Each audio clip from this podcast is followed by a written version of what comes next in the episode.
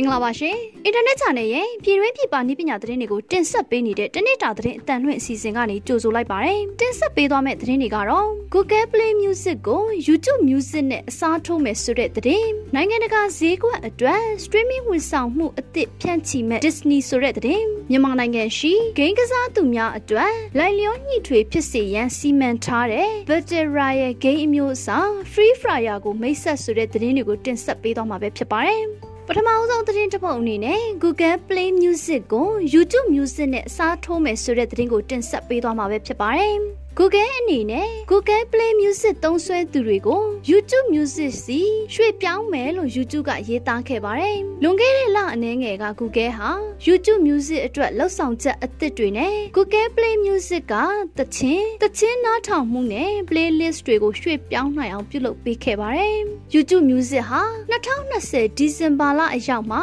Play Music နေရာအစားထိုးဝင်ရောက်ပါမယ်။စက်တင်ဘာလကနေစတင်ပြီးတော့တောင်အာဖရိကနဲ့ New Zealand တို့မှာ Google Play Music ကိုပိတ်သွားပါမယ်။အော်တိုဘာလအတွင်းအခြားကမ္ဘာလုံးဆိုင်ရာဈေးကွက်တွေမှာတဖြည်းဖြည်းပိတ်သိမ်းသွားပါမယ်။လစဉ်ကြေးပေးသွင်းမှုကိုလည်းအလိုအလျောက်ဖျက်သိမ်းသွားပါမယ်။ ဆက်လက်ပြီးနိုင်ငံတကာဈေးကွက်အတွက် streaming ဝန်ဆောင်မှုအသစ်ဖြန့်ချီမဲ့ Disney ဆိုတဲ့သတင်းကိုတင်ဆက်ပေးသွားမှာပဲဖြစ်ပါတယ်။ Disney ဟာ2021ခုနှစ်အတွင်း Star အမှတ်တံဆိပ်အမည်နဲ့နိုင်ငံရဲ့ခြား streaming platform တစ်ခုကိုဖြန့်ချီဖို့စီစဉ်ထားတယ်လို့ CEO ကကြေညာလိုက်ပါတယ်။ CEO က platform အသေးစိတ်အချက်အလက်တွေကိုမပြောကြားခဲ့ပါဘူး။ Star ဝန်ဆောင်မှုမှာ ABC, FH, Freeform, Searchlight နဲ့ 20th Century Studio တွေကဖျော်ဖြေရေး content အမျိုးမျိုးပါဝင်မယ်လို့ပြောခဲ့ပါတယ်။ Star မှာခွင့်ပြုချက်ယူရမယ့် content မပါဝင်ဘူးလို့သိရပါတယ်။ Disney ရဲ့အခြားဝန်ဆောင်မှု Hulu နဲ့ကွဲပြားမှုရှိလာပါတယ်။လာမယ့်ရက်အနည်းငယ်အတွင်း Disney Plus, Hulu, ESPN Plus နဲ့ Star အတွက်အစီအစဉ်တွေကိုထပ်ကြေညာဖို့ရှိပါတယ်။ Disney Plus လာစဉ်ကြေးပေးသွင်းအသုံးပြုသူတန်း60ကျော်လွန်သွားသလို Disney ကလည်းအခြားကြေညာချက်ကိုထုတ်ပြန်ခဲ့ပါတယ်။ Disney ရဲ့ streaming ဝန်ဆောင်မှု Hulu, ESPN Plus နဲ့ Disney Plus ကိုအသုံးပြုနေသူတွေကတန်းတရာကျော်ရှိလာပါတယ်။ streaming ဝန်ဆောင်မှုက Disney အတွက်တောက်ပတဲ့အနာဂတ်ဖြစ်နေပေမဲ့လည်းအခု၃လပတ်မှာတော့ဝင်ငွေကျဆင်းခဲ့ပါတယ်။ နောက်ဆုံးသတင်းတစ်ပုဒ်အနေနဲ့မြန်မာနိုင်ငံရှိဂိမ်းကစားသူတွေအတွက်လိုက်လျောညှိထွေဖြစ်စေရန်စီမံထားတဲ့ Battle Royale Game အမျိုးအစား Free Fire ကိုမိတ်ဆက်ဆိုတဲ့သတင်းကိုတင်ဆက်ပေးသွားမှာပဲဖြစ်ပါတယ်။မြန်မာ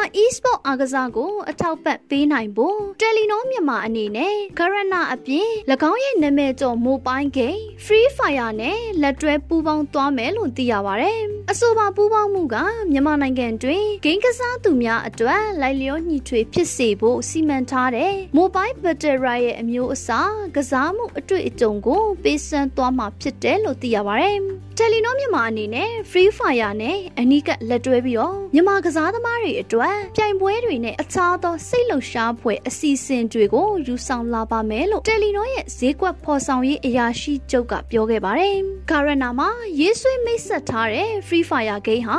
2019ခုနှစ်အတွင်းကမ္ဘာတဝန်း download ရယူအသုံးပြုမှုအများဆုံး mobile game ဖြစ်ပါတယ်။ Battle Royale game မျိုးစားဖြစ်တဲ့ Free Fire ကိုကစားသူတွေအနေနဲ့ mobile phone model အားလုံးနီးပါးပေါ်မှာနှစ်ချိုက်စွာစော်ကစားနိုင်စေဖို့ရည်ရွယ်ဖန်တီးထုတ်လုပ်ထားပြီးတော့ဖုန်းရဲ့စွမ်းဆောင်အားနဲ့ data စားသက်သာစေမယ့်အပြင် mobile phone တွင်နေရာယူမှုနည်းပါးတဲ့ mobile battery ရဲ့ game ကစားမှုအတွေ့အကြုံကောင်းတွေကိုရရှိမှာပဲဖြစ်ပါတယ်။ Free Fire ကစားသူတွေအနေနဲ့မိမိစိတ်ကြိုက်ရွေးချယ်မှုအပေါ်မူတည်က